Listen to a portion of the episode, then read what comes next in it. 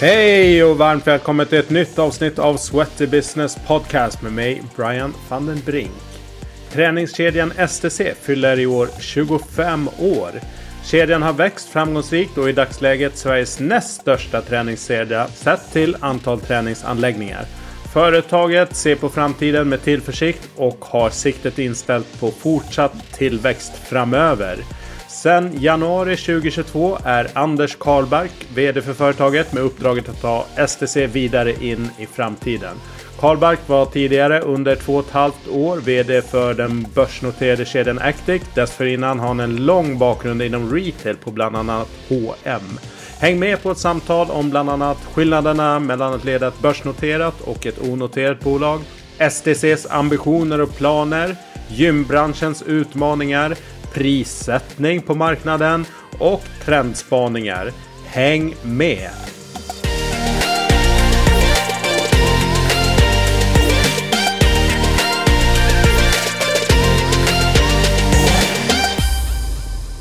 Alright, varmt välkommen tillbaks till Sweaty Business-podden och varmt välkommen tillbaks eh, Anders Karlbark.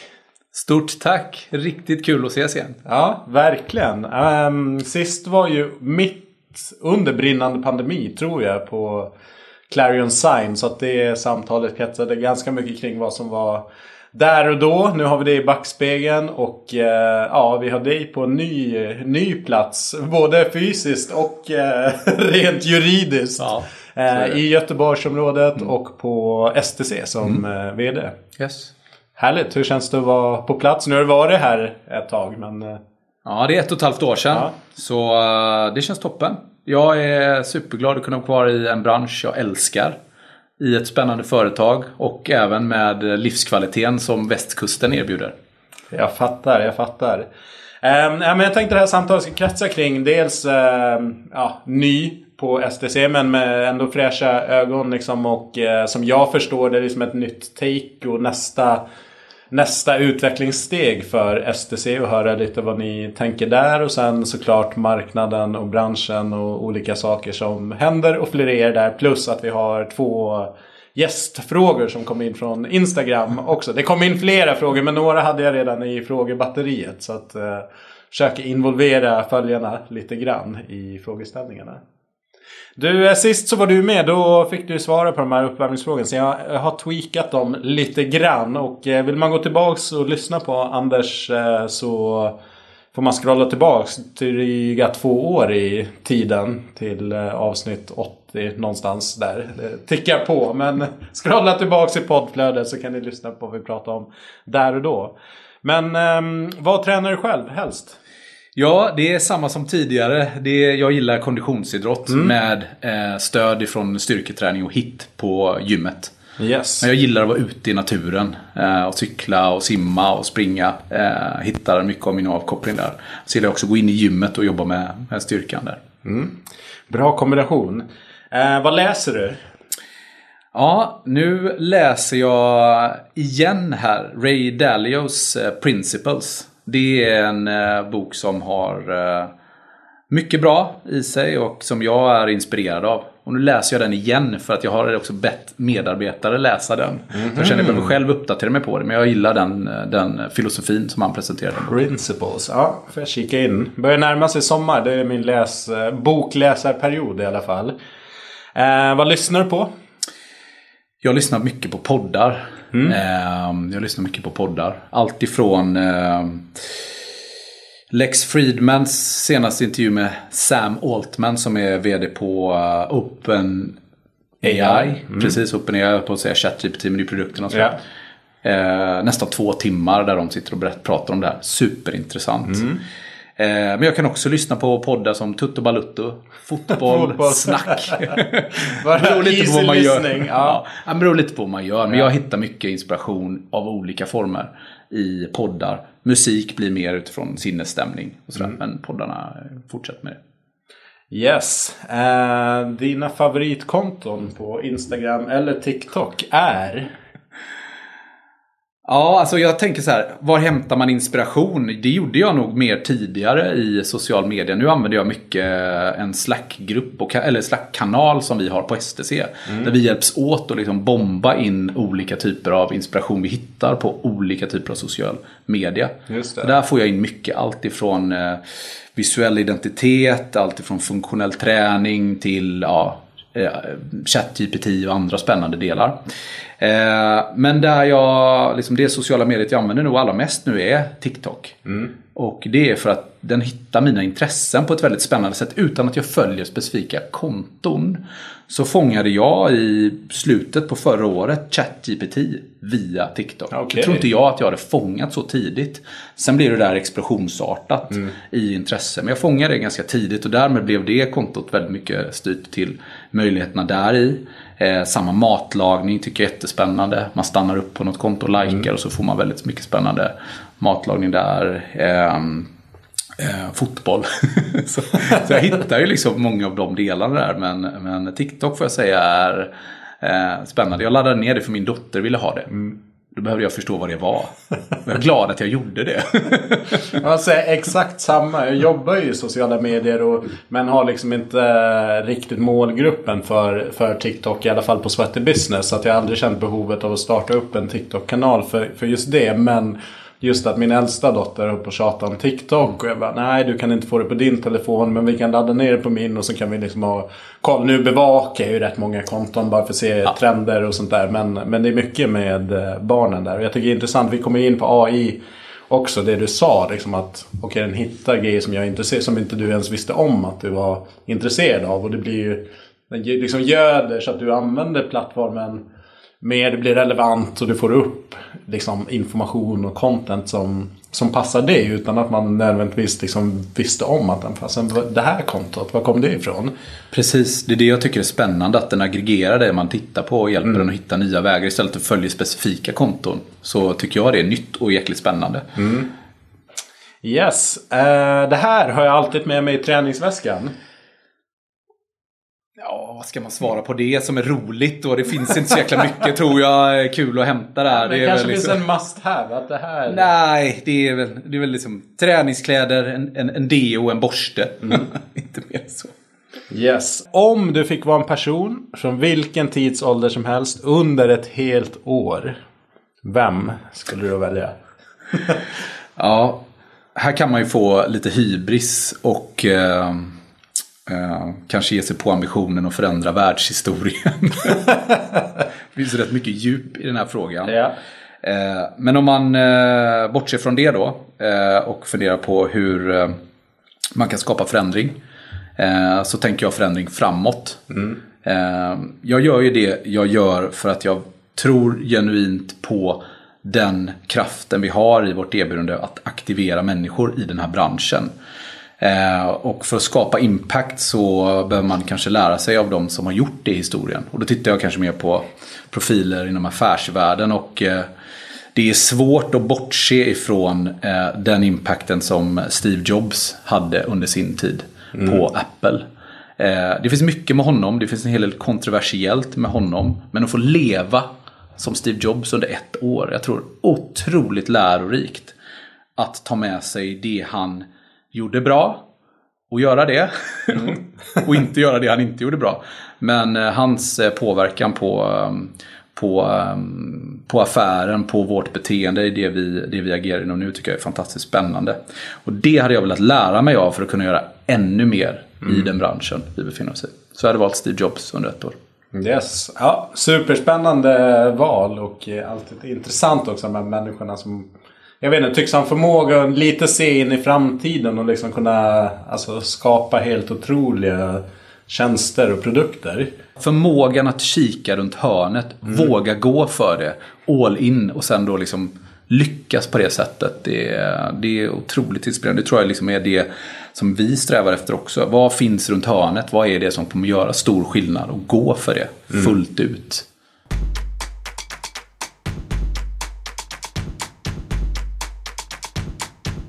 Om vi tar STC då. Eh, fyller 25 år i år. Helt galet. Känns som, som igår. Men eh, för den som inte har koll. Eh, jag tror den här publiken nog har lite peeling. Men eh, vad är din liksom, hisspitch när, när du träffar folk i andra sammanhang och berättar vad du gör?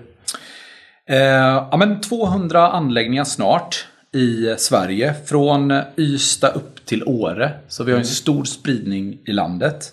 Eh, vad vi har eh, i vår anläggningsportfölj skiljer sig en del från andra. Då är det ju kombinationen av stora bemannade premiumgym som vi kallar destinationer. Det ska vara en upplevelse. Tillsammans med obemannade mindre anläggningar där ju då tillgänglighet är den stora uspen med mm. Den har vi som inte andra kedjor har i den utsträckningen i alla fall. Så det är en sak.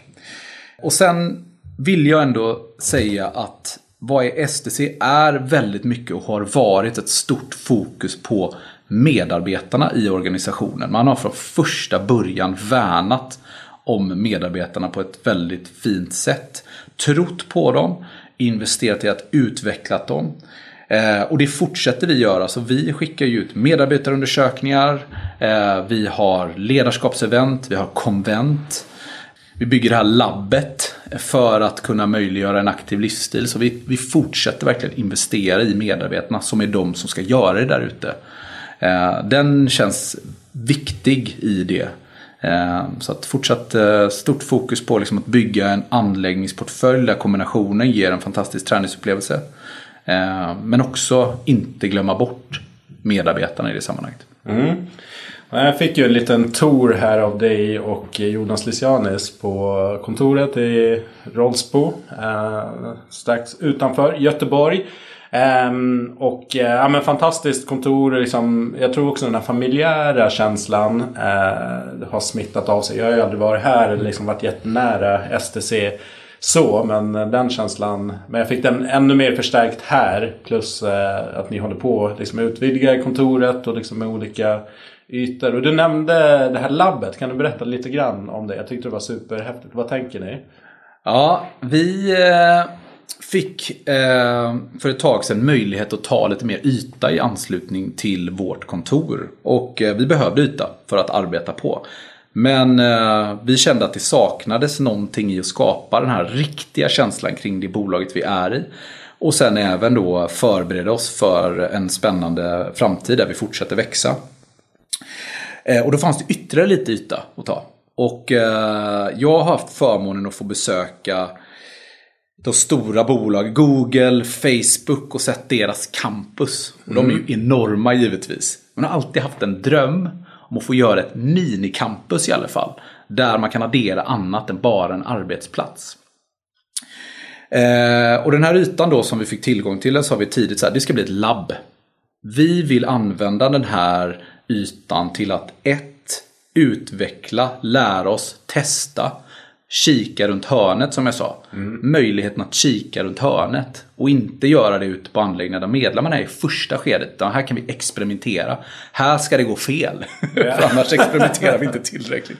Det vill man inte att det ska göra ute hos medlemmarna. Utan här kan det gå fel.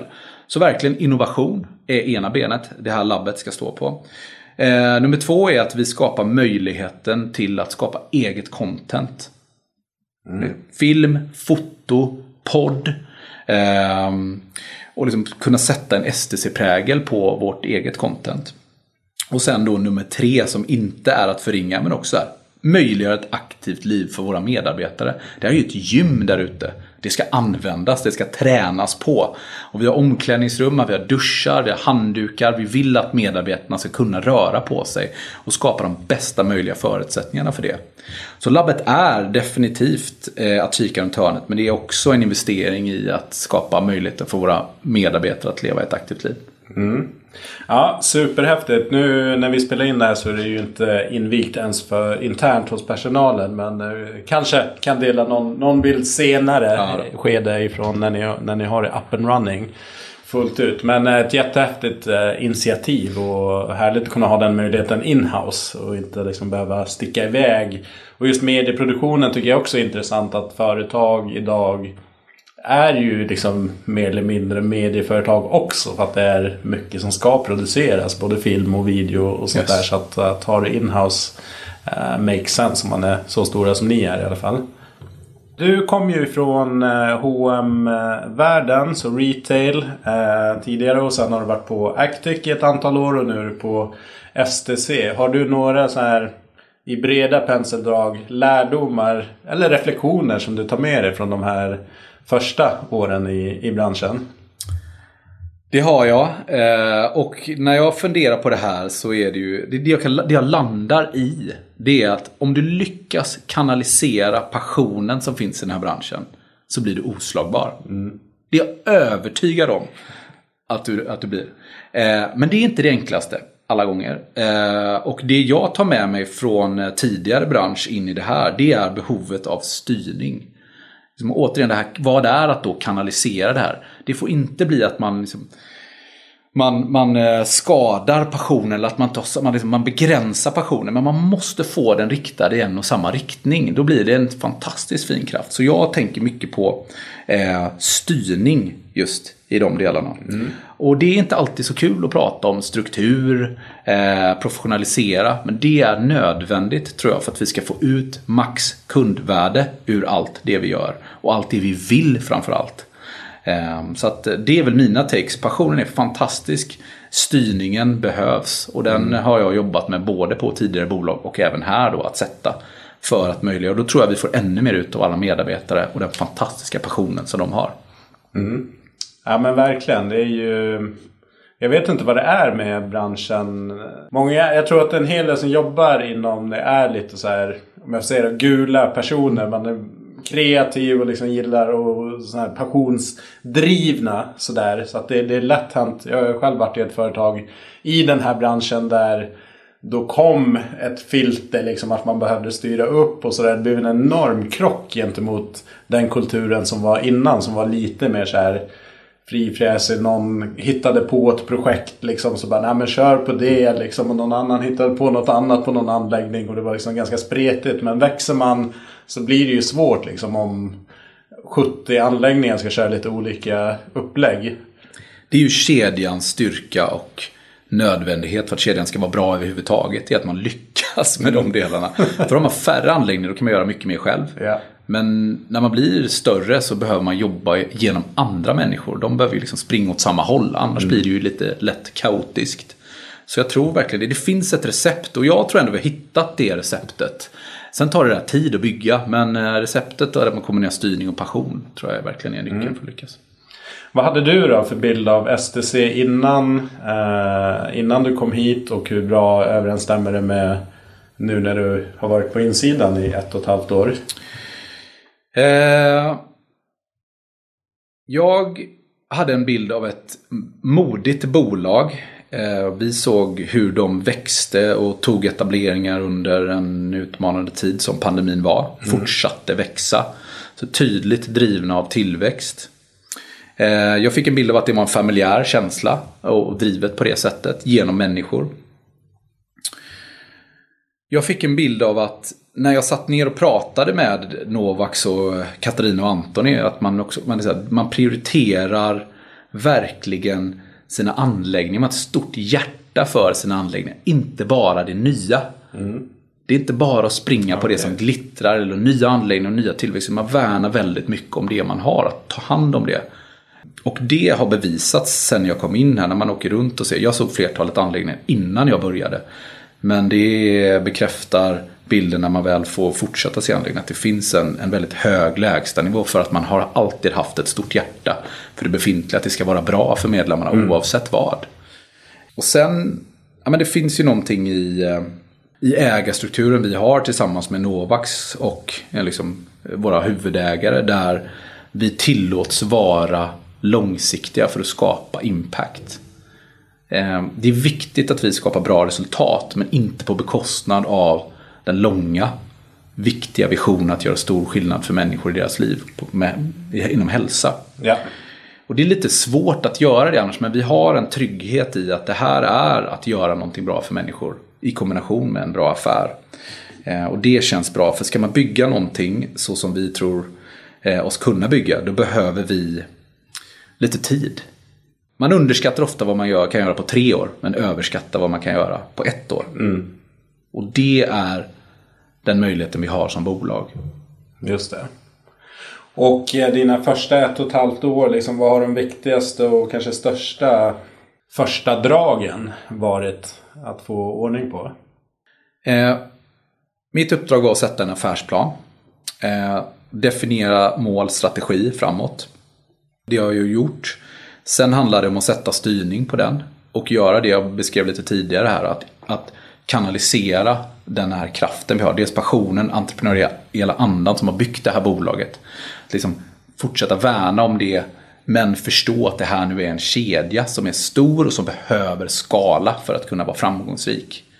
Ehm, så det har varit med vad jag har lagt min tid på. Att eh, styrning, fortsatt professionalisera och se till att vi har rätt team och resurser för att göra och genomföra den planen som vi har satt tillsammans. Mm. Och eh, det kom in också fråga, jag hade med den i mitt frågebatteri, men just, och du var inne på det, att eh, hur särskiljer sig STC från eh, övriga stora kedjor på, på marknaden. Utifrån sett så kan det kännas som att det är ja, men ser ganska liknande ut. Ungefär samma prissättning och ligger på ungefär samma, samma ställen. Hur ser du på det och vad, vad tänker du? Förutom då att ni jobbar med en mix då av stora bemannade premium och mindre liksom, lokala tillgängliga anläggningar. Finns det något mer där? Ja, men om det är någonting som vi kanske inte pratar om tillräckligt mycket utåt och som medlemmarna märker. Eh, det är ju vår satsning på medarbetarna. Eh, och jag kan inte jämföra med hur mycket eller lite de andra kedjorna jobbar med sina medarbetare. Jag kan bara prata utifrån vårt egna perspektiv vad jag tycker det eh, gör stor skillnad. Det är att genomgående investera i våra medarbetare som möter medlemmar eh, för att skapa bästa möjliga eh, upplevelse där. Det gör skillnad, det märker vi när vi mäter och tittar. Eh, men annars är det ju att titta på hur, vad, vill, vad vill våra medlemmar ha? De vill ha stora destinationer bemannade med vår fantastiska personal. Men man vill också ha tillgänglighet. Och det är den delen som gör oss att vi sticker ut mm. från andra. Kombinationen av de två, vårt sätt att bygga kluster. Yes.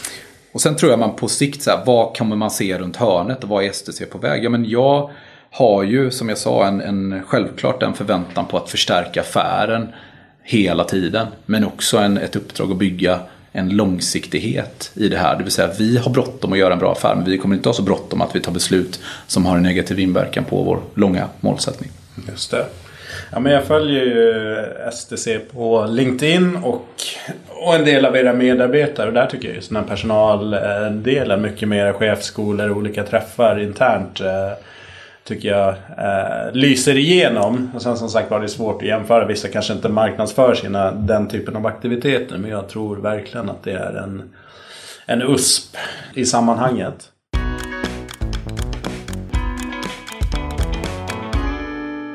Gymmarknaden då? Hur skulle du säga om, om du återigen får titta på de stora penseldragen. Hur har den förändrats och i så fall hur de senaste åren? Jag ser ju, sen jag kom in i branschen, en fortsatt professionalisering av branschen. Det tycker jag är genomgående att man ser. Ehm, att koncept professionaliseras, organisationer gör det, styrningen förstärks. Ehm, så att det är ju någonting vi som bransch, som relativt ung bransch, måste gå igenom och mm. förstärka. Ehm, jag ser ju självklart eh, en, en, spännande utveckling i vad tech och digitalisering kan göra för att förstärka våra kunderbjudanden och hur olika aktörer använder det. Försöker hitta rätt vägar fram till vad, det, vad som faktiskt skapar kundaffärsvärde i slutändan. Um, vi ser ju en eh, spännande liksom, konkurrens ifrån butiksstudio som är väldigt duktiga på att erbjuda liksom, liksom upplevelsen mm. kring ett kanske smalare koncept. Att verkligen maximera det. Det tycker jag är en jättespännande utveckling. Um, och sen tycker jag väl om man tittar på pandemin ju som drev under pandemin väldigt stora beteendeförändringar. Att man har kommit tillbaks till liksom en fortsatt förändrande digitalisering av branschen. Men man, inte, man har inte hoppat fram tio år. Nej. Alla tränar inte hemma eller alla tränar inte framför en skärm. Utan man har verkligen hittat tillbaks till gymmet. Det har vi sett i vår, när vi tittar på besökssiffror i början, slutet på året, början på året. Så är de i all time high. Mm. Gymmet är tillbaks mer än någonsin. Sen finns ju definitivt möjligheten att få människor att röra sig mer i digitaliseringen. Yes. Nej, men jag tycker det du säger sista här kring eh, gymmen studsar tillbaks tycker jag visar på. Ibland så blir man lite skeptisk till viss branschdata som kommer från branschorganisationer. Så där att man talar egen sak. Men, men nu pekar ju verkligen och Europe Active släppte ju sin uh, European Health and Fitness Report. Där liksom allting pekar tillbaka och nästan tillbaks på prepandemiska nivåer på intäkterna också. Så att det har snabbt studsat tillbaka sista två åren här efter pandemin. Så att det är superspännande att säga. Och jag tror det blev ju en enorm liksom, eh, experimentverkstad med liksom, digitaliseringen och jag jag hybridtränade ju innan men helt plötsligt fanns det fler sätt att göra det på. och sådär. Men samtidigt, jag tror den här sociala komponenten ändå i slutändan. Även om inte jag tränar så mycket gruppträning eller med någon kompis. Så att vara bland människor ger ju också en annan dimension. Så jag tror också så här. För många så är hemmaträningen, ja superbra och convenient och sådär. Men det saknas också några komponenter. Eh, kanske den sociala och eh, också studier också visat att liksom, utrustningen är en issue för många. Att man har inte så mycket vikter eller plats för cyklar och liknande. Så ja, mer träningsmöjligheter helt enkelt. Utmaningar då? Vad skulle du säga är liksom de största som eh, ni ser framför er på STC som ni jobbar på att överbrygga? Ja, men eh, det går inte att undvika att titta lite kort framåt här eh, och se kostnadsökningarna. Som ju drivits på inledningen på året. Mm. Hyrorna upp, finansieringskostnader upp. Vi hade en hög press på energikostnader i årsskiftet, ser lite bättre ut nu. Men det är definitivt en, eh, en, en utmaning.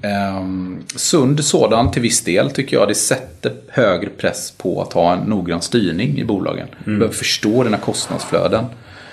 Eh, och vi kommer behöva bli effektivare eh, som bolag för att fortsätta kunna skapa liksom, lönsamhet och därmed kundvärde i slutändan. Nummer två, eh, det tror jag är konkurrensen om tid då. så här, gymmen är tillbaks, fantastiskt kul. Nu ska vi se till att hålla i det där. Men det är klart att det dyker upp fler och fler inte bara träningsformer, vi pratade social media lite tidigare. Eh, det finns ju en kamp om människors tid. Mm. Vi i branschen vet och förstår och de flesta människor vet ju att de borde träna. Men eh, vi behöver göra, vi behöver liksom fightas om den tiden. Så det tror jag är en liksom fortsatt pågående utmaning som vi inte får slappna av inför. Nummer tre, som jag skulle säga av tre största utmaningarna idag. Det är intressant att se hur intäktssidan kommer utvecklas nu det närmsta. Eh, vi har gjort en hel del historiska analyser mm. i Sverige, i Europa, i USA på hur träning har gått under tuffa tider, finansiella kriser, finansiella, finansiellt utmanande tider. Och alla analyser pekar ju på att träning fortsätter att växa.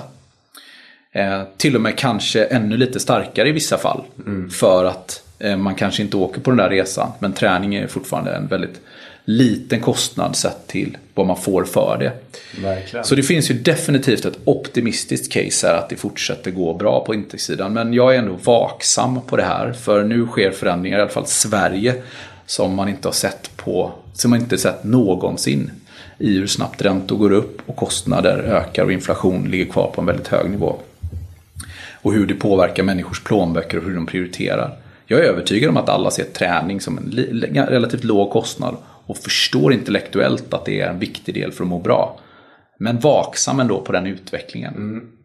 Ja, det är spännande tider på alla sätt. Och liksom en, dels eh, två grejer där. Dels liksom hur stora saker som har skett sista åren. Pandemi liksom och, och sen med hela ekonomiska läget. Men också snabbheten, hastigheten. Att vi går från en kris till en till en ny kristid liksom bara pang, pang, pang. Eh, kändes som att knappt hann att andas ut efter pandemin. Liksom, att den blåste över till att eh, ekonomi och liksom Rysslands krig och hela den grejen. Så att eh, ja, vaksam är nog rätt smart att vara man lärde sig under pandemin att flexibilitet är viktigt. Mm. Att förstå och kunna anpassa sig till nya situationer. Vi får se vad som händer. Träning kanske totalt överpresterar här fortsatt och vi har fortsatt goda tider och kan kompensera de här kostnadsökningarna med drivet på intäktssidan. Men vi är vaksamma och fokuserar på att öka kundvärde för att ta oss an de här delarna. Mm. Eh, men om man kollar framåt lite grann. Eh, det är svårt och som sagt allt går så jäkla snabbt. Men, men om man kollar det närmast liksom. Vad har ni för mål? Vad vill ni göra närmsta tiden? Kanske två, tre år framåt? Har du något du kan dela med dig eller utan att avslöja allt? Jag kan dela med mig, man blir lite fartblind bara. Det är så yeah. mycket man vill nämna på en sån fråga. Men som du sa, vi ska öppna och inviga det här labbet på onsdag den här veckan. Vi ska snart öppna vår 200 anläggning eh, och springer på i full fart framåt. Så det händer ju väldigt, väldigt mycket spännande. Men om man tittar på våra mål eh, över tid så har vi satt en fortsatt hög ambition på tillväxt just. Vi har eh, satt ett mål på ökad lönsamhet. Och vi har satt höga mål på medarbetarengagemang och kundnöjdhet. Mm. Det är de fyra, kanske lite vanligare affärsmålen. Men där har vi vänt och vridit en hel del på det där. Utöver det så har vi satt ett femte mål som vi brinner mycket för och det är aktivitet. Det är att 75% av våra medlemmar ska använda sitt medlemskap en gång i veckan minst. Mm, det är ganska okay. långt därifrån. Yeah. Men det ska också vara ett litet stort hårigt mål här. Det ska inte vara någonting som bara sker över en vecka eller ett, till och med ett år. Utan jag satte målet med organisationen för att det ska vara en tydlig strävan och ett tydligt pek på att vi vill aktivera våra medlemmar. Men när jag presenterar det så är det nog det målet som flest studsar på. Och frågar hur är det möjligt? Hur ska ni lyckas med det? Och vi har inte receptet för det ännu. Men det vi har är en tydligt uttalad ambition att det är dit vi ska. Och aktiviteter som drivs i bolaget ska gynna aktivitet hos våra medlemmar. Mm. Om vi plockar procent på procent på procent på procent så är jag övertygad om att vi kommer vara där till slut. Men det går inte över en natt. Nej. Men det är ett viktigt mål. Sen vill jag nämna, om man tittar på eh, utöver det så har ju vi en, en, en, en, jag har en förväntan i att driva också what else. Vår ambition är att växa och bli stora och, och, och driva gym. Men vi har också en, en parallell tanke med vad finns mer där ute som kan hjälpa människor till eh, ett aktivt och hållbart liv bortom gymmen. Det håller vi på att titta på. Det är mer långsiktiga, större tankar. Mm. Kan inte vara konkret i dem. Men det är en tydlig förväntan från vår, våra, våra ägare att jobba med. What else? Eh, inom träning, hälsa. Alright, spännande. Det känns som ett labbprojekt. Kanske ett mentalt labbprojekt. Men, ja, men intressant. Um, några grejer då kring, kring det. Tillväxt. Um, finns det liksom någon konkret... Så här, hur många anläggningar ska ni ha? Det blir 400? 500? Vi, vi, ska växa med eh, minst 20% per år mm. i omsättning. Och eh, vi ser en kombination av nya anläggningar, både förvärv och egenetablerade. Och där har vi inte spesat upp en specifik balans utan vi tittar på de möjligheterna som ges. Ja. Um, vi ser eh, goda möjligheter att bygga en större medlemsbas på våra befintliga anläggningar. Mm. Och vi ser även goda möjligheter att öka snittintäkt per medlem genom adderade kringprodukter. Just det. Ja, det, blir... det finns inget slutmål. Nej, Nej såklart. Nej, men det är intressant. Och jag ser ju på de stora europeiska jättarna Basic Fit och McFit. Och alla har ganska ambitiösa tillväxtmål. Så det finns ju ändå en en positivism liksom, kring att man förutser att branschen kommer fortsätta att växa och liksom att det finns marknadsandelar att ta. Och, och återigen till Europe Active-rapporten så visar den att 8% av Europas befolkning har medlemskap på ett kommersiellt gym. Så att det finns ju eh, definitivt tillväxtmöjligheter framåt. Nu är vi högre i Sverige men vi växer som befolkning och det öppnar nya områden hela tiden känns det som också. Ja, precis. Jag har, ju, jag har ju en förkärlek till siffror och räkna på saker och ting. Och vi har tittat mm. väldigt mycket på potentialen i Sverige.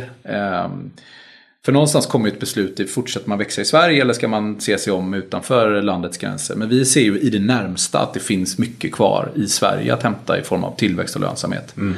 Eh, så vi ser potentialen i att realisera den här planen. Men det här är ju målsättningar vi behåller över längre tid. Vi jobbar ju med 3, 5 och till och med 10-årsplaner. Mm. Tioårsplanerna blir väldigt visionära. Ja, men sätter en riktning i alla fall. Så det finns liksom inget slutpunkt. Men det är klart, när vi ser att det är mer lönsamt att eh, aktivera medlemmar utanför Sveriges gränser så kommer vi att ta det beslut, fatta det beslutet. Men i det närmsta så är det fullt fokus på Sverige. Yes. Och hur mår STC då efter pandemin? Vi mår bra. Ja.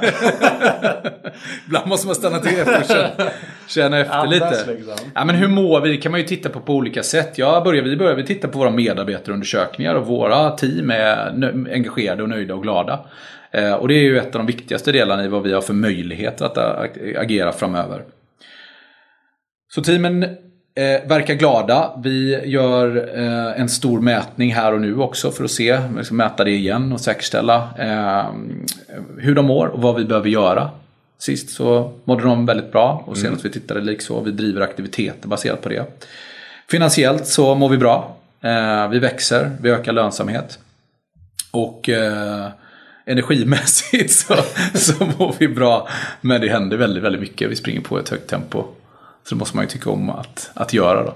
Yes, du har ju en bra parhäst där som jag åkte bil med hit idag. Jonas Lysianes, han gillar att springa på projekt. Ja, vår, eh, vår utmaning är inte att identifiera potential. Mm. Det finns enormt mycket vi skulle vilja göra. Eh, vår utmaning är prioritera mm. dem. Eh, planera, genomföra. Så att, och det tycker jag är en härlig situation. Jag vill ju ha en, ett team och en organisation som är duktiga på att identifiera potential. Om jag ska gå in och identifiera potentialen då har jag inte kanske rätt team runt omkring mig. För det är ja. de bäst på. Mitt jobb är att skapa förutsättningar för att få det att hända. Det vill säga mm. prioritera, planera och genomföra. Du, vad skulle du säga då? Skillnaden att um, vara VD för ett onoterat bolag. Ett, uh, ja, delvis privatägt med, kontra ett börsbolag som du var på innan. Vad, vad är de stora skillnaderna? Det var otroligt lärorikt att jobba i en noterad miljö. Eh, kravet på kommunikation och på transparens sätter ju en väldigt stor prägel på din vardag som VD och som för hela organisationen. Mm. Eh, i onoterad miljö, i den miljön jag nu befinner mig, då eh, har vi inte samma typ av transparens i kommunikation. Eh, men jag upplever att vi kan vara mer eh, långsiktiga. Det är, enkelt, det är enklare att vara långsiktig i den miljö vi befinner oss. Eh, och jag personligen i min roll kan lägga mycket mer tid i affären. Och det tycker jag är fantastiskt kul att få möjlighet att göra. Mm. Så summerat så tar jag med mig väldigt mycket lärdomar ifrån den miljön. Men där jag är nu så jag, lägger jag mer tid i affären. Eh, och jag upplever att det är mycket enklare att driva liksom, långsiktighet mm. än vad det är i en noterad miljö. Ja, men jag tänkte på det när du berättade tidigare. Liksom de kortsiktiga kontra det långsiktiga. Men att det långsiktiga är liksom över gripande och liksom viktigare än det som är här och nu. Även om det inte är irrelevant. Men att eh, just med så här kvartalsrapportering och liksom förväntan på försäljning konstant. Att det, det lätt blir hämmande för den, den långsiktiga. Att aktieägare och marknad kanske inte alltid liksom tänker att okej okay, men om tre år så blir det bra. Utan men vad händer nu det här kvartalet? Jag har ju tagit med mig mycket av lärdomarna in mm. hit till STC och satt upp en struktur som gör att vi interagerar med vår styrelse på ett proffsigt sätt. Men eh, det är klart det är närmare till styrelsen här. Det är, liksom, det är, en, det är, en, det är en tajtare grupp. Ja. Och de är ju en enad ägargrupp också. Så när de pekar och vill åt ett håll, då springer vi på det tillsammans. Då kan vi tillåta oss själva att vara långsiktiga. Härligt. Du, en fråga som jag är jäkligt intresserad av att ställa till dig. Det, det är en pris. Eh, och det har blivit lite så här diskussionen eh, allmänt hos vissa i branschen. Att eh, kedjorna Eh, beskylls för att tynga ner marknaden. Man håller nere priserna och att det blir svårt för andra att liksom höja sina priser. Liksom sätta priser för att det är så mycket kedjedominans på, på marknaden. Vad har du att säga kring eh, den här diskussionen? Och Sats fick ju en rejäl skopa i Norge där man liksom är eh, jättedominant på ett annat sätt än här. Att ja, men de har ett ansvar som marknadsledare att inte sätta för låga priser. Ja, eh, bra fråga. Eh, jag, jag ser det så här då. Må bästa företag vinna. De som är bäst och hittar rätt kombination och ekvation av pris, kundvärde, kvalitet och varumärke kommer vinna kunden. Mm. Eh, det är fri prissättning. Jag tror på fri prissättning. Jag tror att fri prissättning är det bästa för kunderna. Och det driver sund konkurrens. Ehm, alla har ett ansvar att skapa en lönsam affär och eh, hitta kundvärde. Kunderna villiga att betala för det man erbjuder, då har man en, en affär. Så jag tycker den frågan är rätt enkel. Jag skulle inte beskylla någon annan för prissättningen. Jag tittar på våran prissättning mm. och det vi erbjuder. Och säkerställer att det finns en sund affär i det.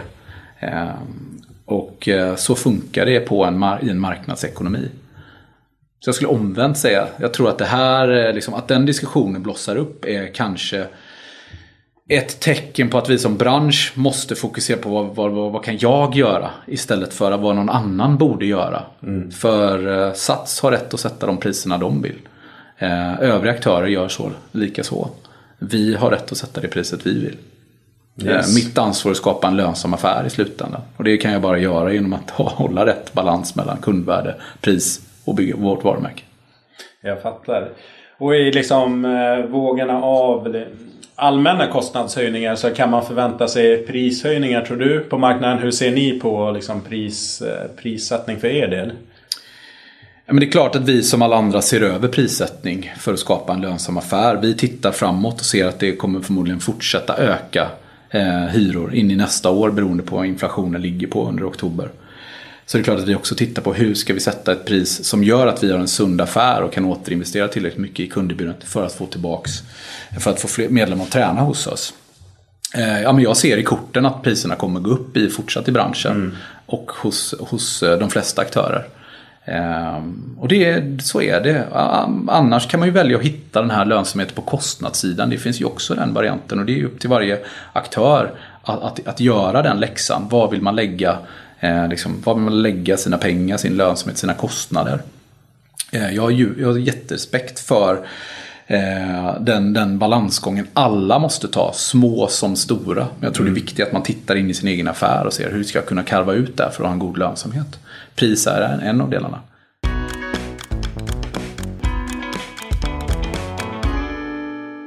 Du, en, eh, jag är intresserad av det här med liksom, branschorganisation och organisering. Och det var något som blossade upp under pandemin när eh, gymbranschen liksom befann sig i ett läge där det kunde stängas ner. I de flesta andra länderna så stängdes det ner och sen Europe Activity jobbade stenhårt på EU-nivå och sådär. Och eh, behovet av att liksom, okej, okay, vi kanske behöver en stark organisering också. Liksom, man kan vara bittra konkurrenter och liksom tampas på samma marknad men det finns gemensamma frågor som är intressanta. Hur ser du på den svenska organiseringen? Liksom, är den bra nog eller vad skulle behöva göras om den inte är det?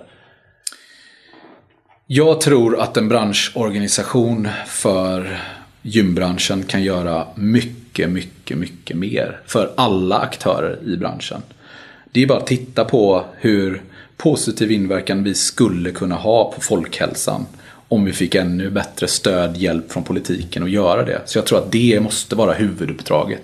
Och driva vår gemensamma agenda mm. till att skapa ännu bättre förutsättningar för, för alla bolag i den här branschen att hjälpa fler människor. Det är nödvändigt. Vi vet alla hur mycket pengar som läggs på sjukvård.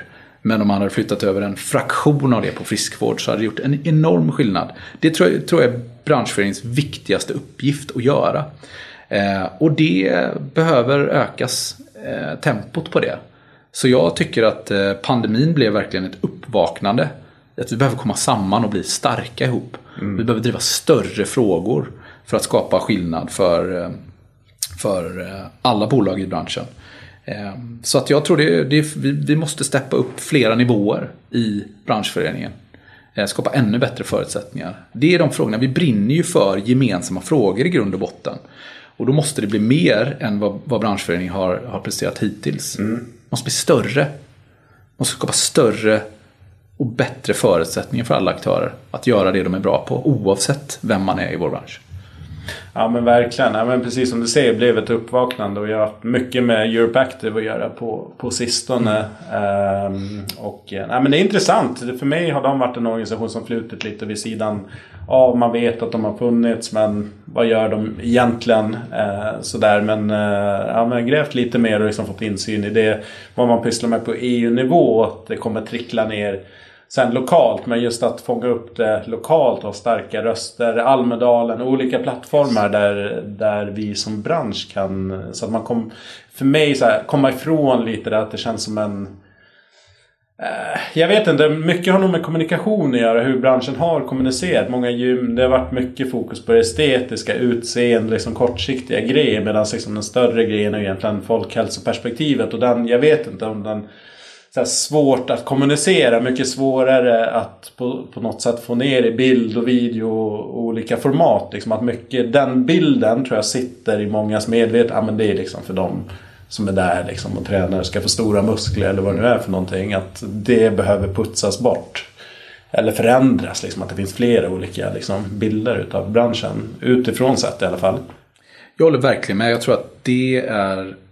Det behövs ta flera stora steg i branschföreningen. Men jag tycker att det finns en bra plan på plats. Mm. Eh, eh, per Lehmann som har varit ordförande under det här året har ju gjort ett jättejobb med att sätta en plan, en riktig plan. Sen ska den genomföras, som alltid när man sätter planer. Yeah. man kan ha jättefina planer, de ska genomföras. Men jag tror på, på det och jag, alla har ju ändå visat ambitioner på att kan vi göra det här ihop, bli starka, då kan vi göra en stor förändring för alla. Alla. Mm bolag i vår bransch. Ehm, för vi har en viktig uppgift, får inte släppa taget om den. Nej. Nej men eh, timing kanske är rätt då. Att pandemin var liksom den väckarklockan som behövdes. Att okej, okay, branschen, träningsbranschen generellt sett har ju växt ända sedan starten. Liksom haft tillväxt, tillväxt, tillväxt och sen helt plötsligt kommer ett jättehack i kurvan som är pandemin. Och då inser man att okej, okay, det kanske inte alltid kommer vara den här typen av goda tider och att vi faktiskt behöver ja, ta, ta tag i sakerna på en helt annan nivå framåt. Ja men det blir spännande att se vem som blir ny ordförande. Det är väl... Eh, på fredag. Vet, det är på fredag nu, 26. Så att eh, när den här podden släpps så är det klart. Så mm. Det står väl på Sweater Business. Så får ni ja. läsa där vem som är ny ordförande och tar stafettpinnen vidare. Jag tänkte kolla lite så här framtidsspaning. Nu, ni har labbet här, kika runt hörnet. Men om, om du bara får slänga ur hatten liksom, några framtidstrender som du tror, eller saker som du tror kommer påverka eh, marknaden, branschen, kundbeteendena framåt. Har du några tankar där? Det är, är, går inte att undvika utvecklingen inom AI och hur den kommer påverka våra beteenden som människor. Mm. Eh, då kommer det påverka träningsbranschen. Ehm, det är väl den stora och superintressanta utvecklingen man ser framför sig och som ingen kan riktigt förstå vad det kommer ta vägen. Nej. Eh, jag är stor optimist. Eh, jag ser självklart som många andra risker i det här. Och det är med lite skräckblandad förtjusning. Man ser hur snabbt allting går. Ja. Eh, men eh, det finns, tror jag, väldigt mycket möjligheter här i att bygga mer personifierade träningsupplevelser i slutändan. Det vill säga gymmet är för mig vår kärnprodukt. Den ska vi aktivera. Och jag tror att med hjälp av AI och all teknik som kommer där till, då tror jag vi kan göra det ännu lättare, roligare, tydligare att träna. Mm. Mer uppmuntran på en personlig nivå. Anpassat efter dig istället för anpassat efter en helhet. Det. det. tror jag kommer påverka väldigt mycket hur eh, olika bolag lyckas. Jag tror också att det kommer påverka organisationerna eh, bakom gymmen. Hur man kan supportera medlemmar i medlemsfrågor. Eh, hur man arbetar med marknadsföring. Det är som otroligt snabb förändringstakt inom det. Och det går inte att, tror jag, säga någonting annat än det som kommer att få en stor påverkan på samhället. På som individer och därmed vår bransch. Mm. Ja, nej det, det är hisnande som sagt. När ChatGPT släpptes eh, var det i höstas någonstans liksom publikt sådär och man insåg, jag drog några trevande steg och jag har sagt det i några poddar liksom hur jag använt det i poddsammanhang att okej, okay, skriver in, jag ska träffa den här gästen som är det och det för det här företaget, har du förslag på frågor som jag borde ställa? Så, så kommer det 20 frågor varav liksom 10 är bra eh, som man kan använda eller liksom lite omformulera och så få, få in dem. Liksom. Ibland kommer det in liksom andra perspektiv eller renskriva någon text. Att kan du om, omformulera, liksom effektivisera. Och det är intressant att se liksom hur att den kan göras bättre som människor. Vissa säger, ja, men kommer det ersätta människan? Nej, det tror jag inte. Men däremot om man använder det på rätt sätt. Att det kan förstärka och liksom effektivisera en massa grejer. Göra mig bättre i min roll. Och lite så här som ensam eh, jobbare som jag är. Att ja, men helt plötsligt är ett bollplank som jag kan skicka en fråga till och den kan resonera tillbaka. Det är superintressant. Använder du eh, AI på något sätt? jag använder det via ChatGPT i ja. nuläget och har använt det en hel del. Jag har uppmuntrat eh, hela vår organisation att testa. Mm. Jag tror det handlar om att vara nyfiken nu, lära sig precis som det du gör. Hitta olika användningsområden. Jag som ledare kan inte stå och peka på det är det här nu som kommer ut. Jag tror det bygger på att man testar, förstår det här, lär sig löpande. Eh, och sen kommer ju fler och fler plugins med eh, AI kopplade. i Office-paketet kommer det nya förändringar från mm. den. Så det här är ju en rasande takt. Eh, och möjliggör effektivisering, ökad produktivitet och i slutändan, jag tror supermycket på att det ger möjlighet att bygga ett förstärkt kunderbjudande runt gymmet. Mm. Jag tror inte att det kommer ersätta. Jag gillar att det är tunga vikter och hantlar vi, vi har på gymmen. De är svåra att digitalisera i nuläget. Ja. Men man kan verkligen förstärka eh, kundupplevelsen kring det med mm. Har du någon eh, speciell roll, yrkesroll kanske som finns i gymträningsbranschen idag som du ser att okej, okay, här kommer det hända extra mycket grejer eller som man kan se nu att okej, okay, wow, med det som finns nu skulle det här kunna hända? Jag tror man nästan ska ställa sig frågan vilken, vilket område kommer inte påverkas? Mm. Är det något? Mm. Eh, för i olika grad har de ju redan påverkats. Vi ser ju redan nu hur vi använder maskininlärning på redovisning, på lön, eh, marknadsföring, eh, produkt. Eh, så jag tror att alla delar, kundsupport givetvis, finns enorma möjligheter mm. att svara kunder snabbare, tydligare, bättre än vad man har haft tidigare. Eh, så att alla avdelningar har en förväntan att utveckla, lära sig, vara nyfikna och effektivisera. Mm. Och i mm. slutändan så vi, vi brinner för att bygga mer kundvärde med de här verktygen. Yes. Ja, spännande tider. Um, jag fick en fråga också från en gäst angående ehm, etableringar som jag glömde ta när vi, när vi pratade kring det. Men, och eh, Stockholm specifikt. Jag vet inte var yes, den här eh, följaren kom ifrån. Eh, med frågan. Men eh, har ni lärt er någonting av etableringen i Stockholm? Vi pratade ju lite här innan att ni har ju inte etablerat så mycket nytt utan det var ett stort förvärv som gjordes. Men har du någon, några tankar kring det? Ja, det vi har lärt oss av den kombinationen av de små obemannade från puls och träning till de stora bemannade destinationerna. Det är att kombinationen av dem är starka. Mm. De hjälper varandra. Och det är en intressant tanke och en lärdom från det. Ja men det är spännande. Vi har tänkt på den eh, kombon. Jag tränar själv på pulsoträning i norra Djurgårdsstaden. Eh, sen tränar jag på STC vid Hötorget när, jag, liksom, när det passar. Eh, sådär. Men jag har tänkt på det innan. Liksom, två i grunden olika driftsmodeller. Liksom helt olika anläggningar. Att, okay, men hur passar det här in? Blir det inte jäkligt bökigt för er att ha en helt annan typ av anläggning? Men du menar att de har liksom gift sig på ett bra sätt? Ja, vi tror ju på den eh, kombinationen att destinationen ska bygga en fantastisk träningsupplevelse. Mm. Och de mindre ska bidra till tillgänglighet. Eh, de mindre, ofta så handlar det om att alternativet är att inte ha ett gym där. Mm. Och eh, då är det bättre att ha ett gym där. Så träffar man rätt på läge, tar rätt yta så är det en jättefin produkt att ha i kombination med de stora. Mm. Vi behöver ett stort eh, STC i Djurgårdsstaden också kan jag säga. Det finns ingen gruppträning eh, där i området heller. Så att, eh, det vore nog välkommet. Att... Ja, men vi gillar ju Stockholm och med den portföljen vi har så ser vi väl framför oss att vi kommer fortsätta etablera mm. nya anläggningar. Yes. Um, Finns det någonting som du kan ta med dig från tidigare erfarenhet, andra liksom branscher, yr, äh, yrkesroller äh, in som du tycker görs bra på annat håll som man fortfarande ändå kan lära sig i träningsbranschen?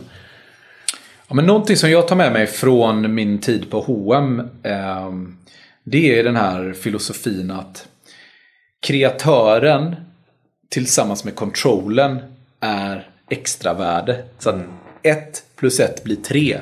Där du har då en kreatör som är den bästa kreatören du kan fånga och en controller som är duktig på att få ut liksom, styrningen av den kreativiteten. Mm. Den har jag med mig och tror väldigt mycket på. Eh, lite som jag inledde med. Vi har passionen, kreativiteten, idéerna i den här branschen. Vi behöver styrningen för att yeah. få ut det. Så den, den tycker jag liksom är fortsatt någonting som som vi som bransch kan lära oss av. Ehm, och parallellt med det så eh, med de här kostnadsökningarna vi ser nu så går det att dra paralleller till modeindustrin, modevärlden under kanske slutet 80-talet, genom 90-talet och hur kedjefieringen av den branschen påverkade. Mm. Det vill säga, hade du inte koll på dina kostnader så är du inte kvar. Eh, hade du inte flexibilitet så är du heller inte kvar. Nej. Och kedjorna tog en allt större plats. Och det gjorde man med att utnyttja skalfördelarna och vara en kedja, det vill säga styrning. Eh, och då behöver man inte vara en kedja bara för, men ha koll på de här delarna oavsett storlek på aktör. Det tror jag är otroligt viktigt för annars kommer du inte vara kvar. Nej. De här kostnadsökningarna kommer att driva den typen av beteende. Har du inte koll så kommer du inte vara kvar. Nej, så enkelt är det. Nej, men den här branschen som sagt är ju många kreatörer och kanske visionärer. Sådär, så att jag tror den här kombinationen med folk som kan räkna på det och liksom bygga fram ett case. Liksom, så att man har både liksom visionen men också har siffrorna som, som stöttar upp den också.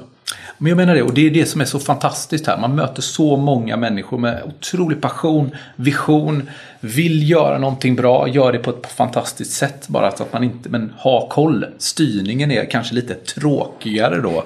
Men den är så nödvändig för att få ut ett affärsvärde ur den här passionen och visionen. Oavsett stor som liten mm. kedja som enskild aktör. Eh, det ser jag verkligen i parallell med de olika branscherna. Jag tror att vi är på väg därigenom nu. Det här kommer mm. driva den typen av beteende. Men nu slutligen om vi pratar um, digitalisering av själva träningen. Gruppträning, PT. Vad ser du där? Nu har vi ju labbat lite under pandemin och liksom det har tagit olika spår och lite kommit tillbaka medan vissa kanske områden fortsatt går starkt. Liksom. Men hur ser du det ur ett STC-perspektiv? Liksom, digitalisering av, av träning. Vad funkar, vad funkar inte? Det vi vill göra mer av är ju att hitta ett sätt att nå ut med PT-erna mer till våra medlemmar. Det är en produkt vi vet skapar aktivitet. Det är en produkt som är ganska dyr för varje medarbetare. Hade, all, hade alla medlemmar fått varsin PT och träna med när de behagar, då hade ju vi rört på oss mer. Då vet vi att vi hade lyckats bättre. Yeah. Så utmaningen till produktteamet är ju just det, vi kan demokratisera PT. Och då är det en kombination av det fysiska som vi tror på på gymmet, men också hitta rätt i den här hybridversionen. Mm. Den digitaliseringen eh, ser vi framför oss. Eh, och sen om man ska titta på vad vi bygger för plattform, vad tech kan göra för oss. Så kommer jag tillbaka till det här att bygga en ryggrad i, i Gästis så att vi kan fånga upp kunddata och erbjuda en mer personifierad träningsupplevelse. Mm.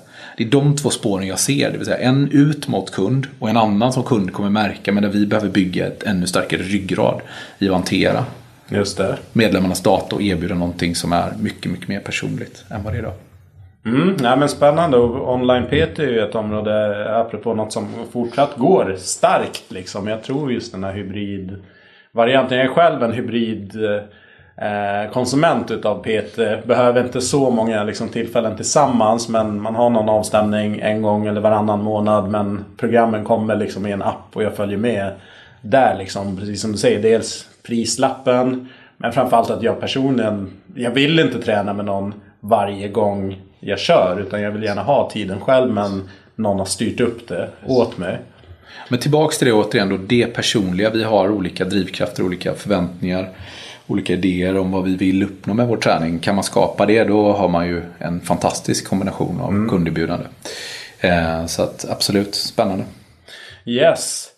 Um, jag uh, länkar in till STCs kanaler för de som vill uh, kolla in hemsida och sociala medier och kanske ta kontakt där. Och sen är egentligen avslutningslåten, allt, eller avslutningsfrågan alltid. Till vilken låt? Sist var det ACDC med Thunderstruck. Så vi får se vad det blir den här gången. Ja, tänkt på den här frågan. Symboliskt viktigt här. Ja. Men jag har valt Push It To The Limit ifrån eh, filmen Scarface. Yes. Eh, och det har jag valt för att den handlar om att ta risk, kämpa hårt och sträva efter framgång. Inte vara liksom rädd för att pressa sig själv för att nå sina mål. Mm. Och det, den vill jag skicka med till hela organisationen. För det tycker jag de har. De pushar hårt och det gör de riktigt jäkla bra. Så den låten är en hyllning till gänget på STC. Yes, härligt. Stort tack. Tack så mycket.